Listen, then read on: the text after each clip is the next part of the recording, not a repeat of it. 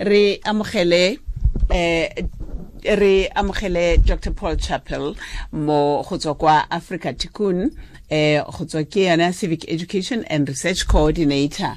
Re utlwa gore eh ha o le moša wa moaforika borwa kgotsa wa moaforika kgotsa moša le ga e le gore ka gongwe tswa kwa o etetse ka kwano o sentse no le moša wa moaforika ka gore mo aforika borwa o ikutlwa jang botshelo bontse jang mo go wena o na le bogole le lorato um dr Chappell good day Hi, good morning. How are you? I am good, thanks. And how are you? And thank you. Thank you so much for your time. No problem. Thank you, Lindy. Good to hear you. You know, I um, I always ask myself, what would, how would life be? Um, my personal life, of course.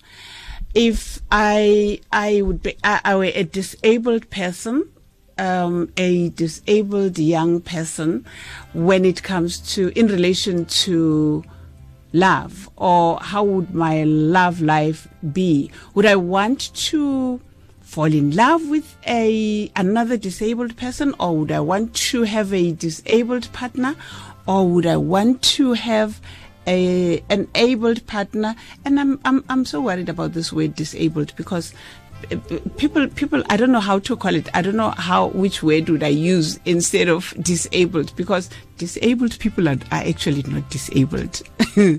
They can think some of them can walk some of them can do things that we can we cannot do as abled person.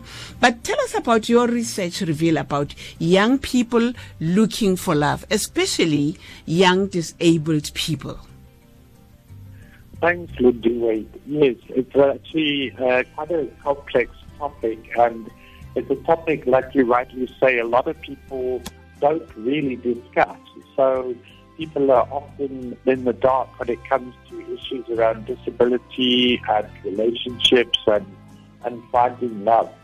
So basically, the research that I was involved in was part of my own PhD uh, research where we set out to investigate how young people with disabilities, specifically Zulu speaking young people with disabilities, like how do they understand issues around love and relationships? And what is really interesting Lindiwe is that basically young people with disabilities face the same issues as other young people without disabilities.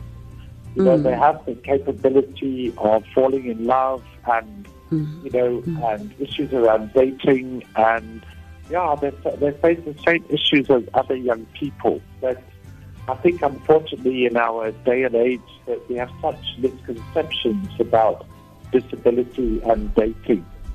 Mm, mm. What what is it that they say about love? Are they dating same people with disabilities, or are they looking for non-disabled? But if another question would be, if if if this young person, this young girl, or this young uh, man is uh, using a wheelchair, would he or she want to fall in love with? Uh, somebody who's using a wheelchair who is on a wheelchair as well, or would he be a you know saying um, as long as as long as it's a disabled person, I I, I wouldn't mind if that person is using crutches or a wheelchair, or that person is blind or something like that. What is their choice? What are they saying to you?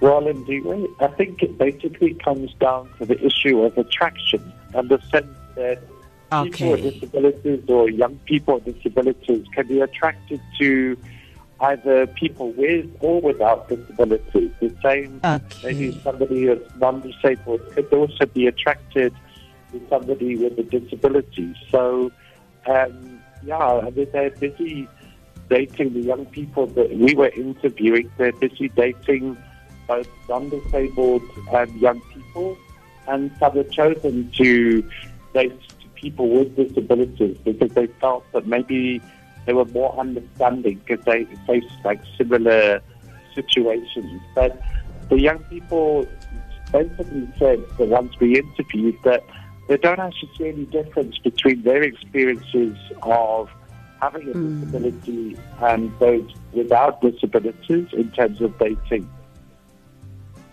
Dr. Chappell, your your your research was it only conducted um, amongst young people in KZN, or have you done your research somewhere else other than KZN? Um, the original research was based in KZN, um, particularly in the Global district. But um, now, through my work with Africa Tikkun, I basically took um, the findings from the research and I've applied it to my own work. So, for example, we recognize young people with disabilities as being really capable sort of social agents. So we've been busy training young people with disabilities in Orange Farm to become peer sexuality educators. So they've been um, conducting sexuality education with other young people in their school because we believe that, you know, young people with disabilities, they talk about these things. So let's make the most of them and let them talk with their fellow peers. But when you when you when you did your research, uh, Dr. Chappell, did you also talk to uh, the abled youth about disabled youth or love with a disabled person, falling in love with a disabled person? No, it, it was uh, just purely those with um, physical and uh, visual disabilities that we spoke to. Mm, mm. And what is your overall assessment on this research? What is it that you can um, advise us on, or yeah, uh, advise young people, young abled people, um, in relation to uh, falling in love with a disabled person. A disabled person is a normal person. I think uh, it, it's only that maybe physically uh, that person would be disabled, but it's it's it's not a sin. It's not it's not wrong to fall in love with a, a disabled person. What what what is the message that we can give to abled young people? I, I think you summed it up quite well there yourself Lindiwe to help um, non-disabled young people to realize that disabled people have the same desires and willingness to be in relationships and to mm. fall in love and basically, yes. I mean, they, they face the same issues that non-disabled youth face in terms of dealing with issues of culture, issues of teaching partners, and issues of gender-based violence as well in relationships. But mm. I think I would send the message out to other non-disabled youth is that, you know, don't be afraid of disabled youth because they do have the same desires and the same interests as, as you.